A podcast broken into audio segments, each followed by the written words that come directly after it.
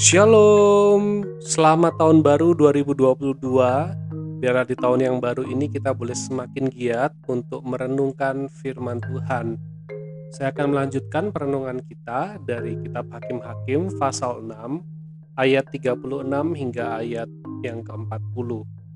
Kitab Hakim-Hakim pasal 6 ayat 36 sampai 40. Kemudian berkatalah Gideon kepada Allah, jika engkau mau menyelamatkan orang Israel dengan perantaraanku seperti yang kau firmankan itu, maka aku membentangkan guntingan bulu domba di tempat pengirikan.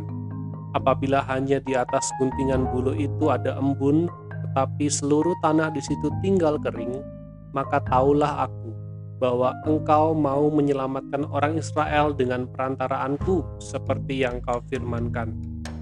Dan demikianlah terjadi Sebab keesokan harinya pagi-pagi ia bangun, dipulasnya guntingan bulu itu, dan diperasnya air embun dari guntingan bulu itu secawan penuh air.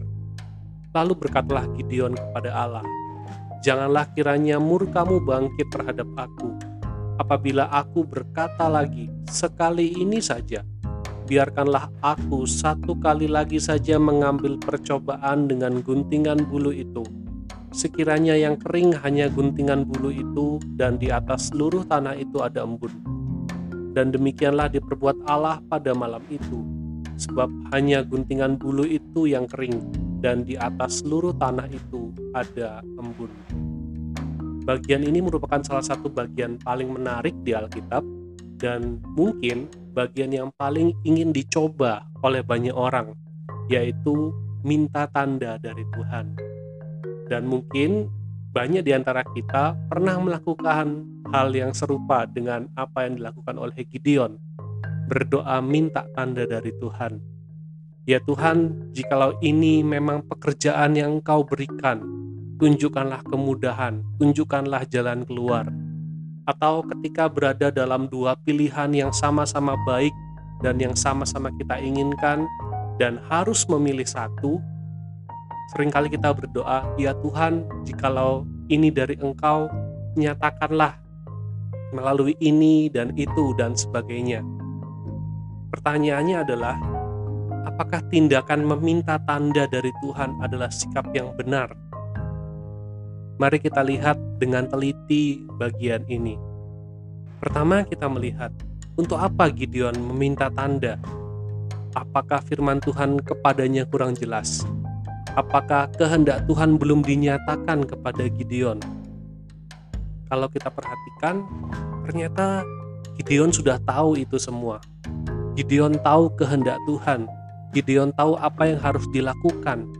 Tetapi dia meminta tanda sebenarnya untuk mencari-cari alasan untuk tidak taat sehingga ia meminta sesuatu yang tidak mungkin terjadi secara alami. Terlihat di sini bahwa Gideon punya kekhawatiran, Gideon punya ketakutan, Gideon ragu tentang apa yang Tuhan akan lakukan melalui dirinya. Kita belajar bahwa meminta tanda ternyata bukan wujud iman, justru sebaliknya, meminta tanda adalah bukti ketakutan dan keraguan dari manusia.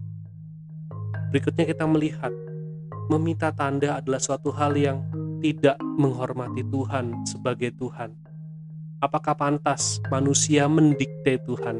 Apakah pantas manusia memerintah Tuhan untuk melakukan ini dan itu? Dan yang terakhir, kita melihat bahwa Tuhan mengabulkan apa yang Gideon minta, tetapi mendapatkan tanda tidak akan menyelesaikan masalah. Setelah mendapatkan tanda dari Tuhan, apa yang Gideon lakukan? Dia minta tanda sekali lagi. Sebenarnya Gideon hanya asal sebut saja tanda yang ia minta kepada Tuhan.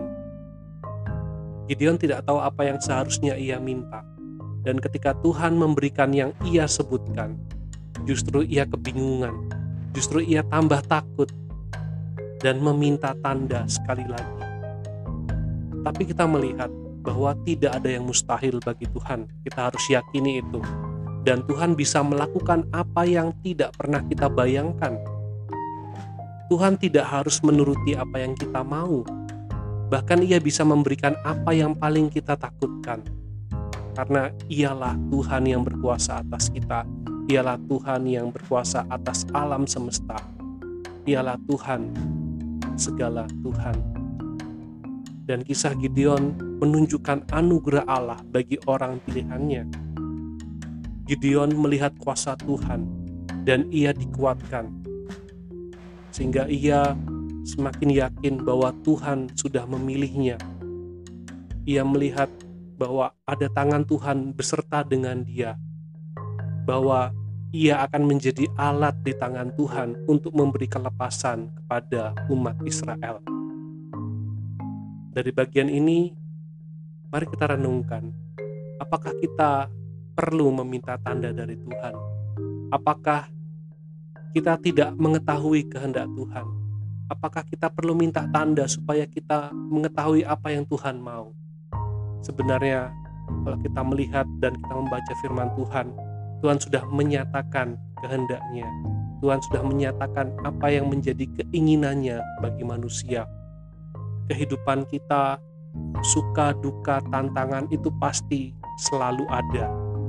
Tapi biarlah setiap kita dalam keseharian, dalam segala situasi. Kita sungguh-sungguh yakin pada Tuhan. Kita mau menjadi pribadi-pribadi yang menuruti akan firman Tuhan. Ingatlah bahwa tiada yang mustahil bagi Tuhan, karena Ia adalah Tuhan yang Maha Kuasa. Ia adalah Tuhan yang berkuasa atas segalanya. Mari kita memulai tahun 2022 ini mau menjadi pribadi-pribadi yang sungguh percaya pada Tuhan dan sungguh mentaati akan kehendaknya, mentaati firman-Nya. Mulailah dari merenungkan firman-Nya, renungkan kehidupanmu, dan lakukanlah apa yang baik di hadapan Tuhan. Tuhan Yesus memberkati.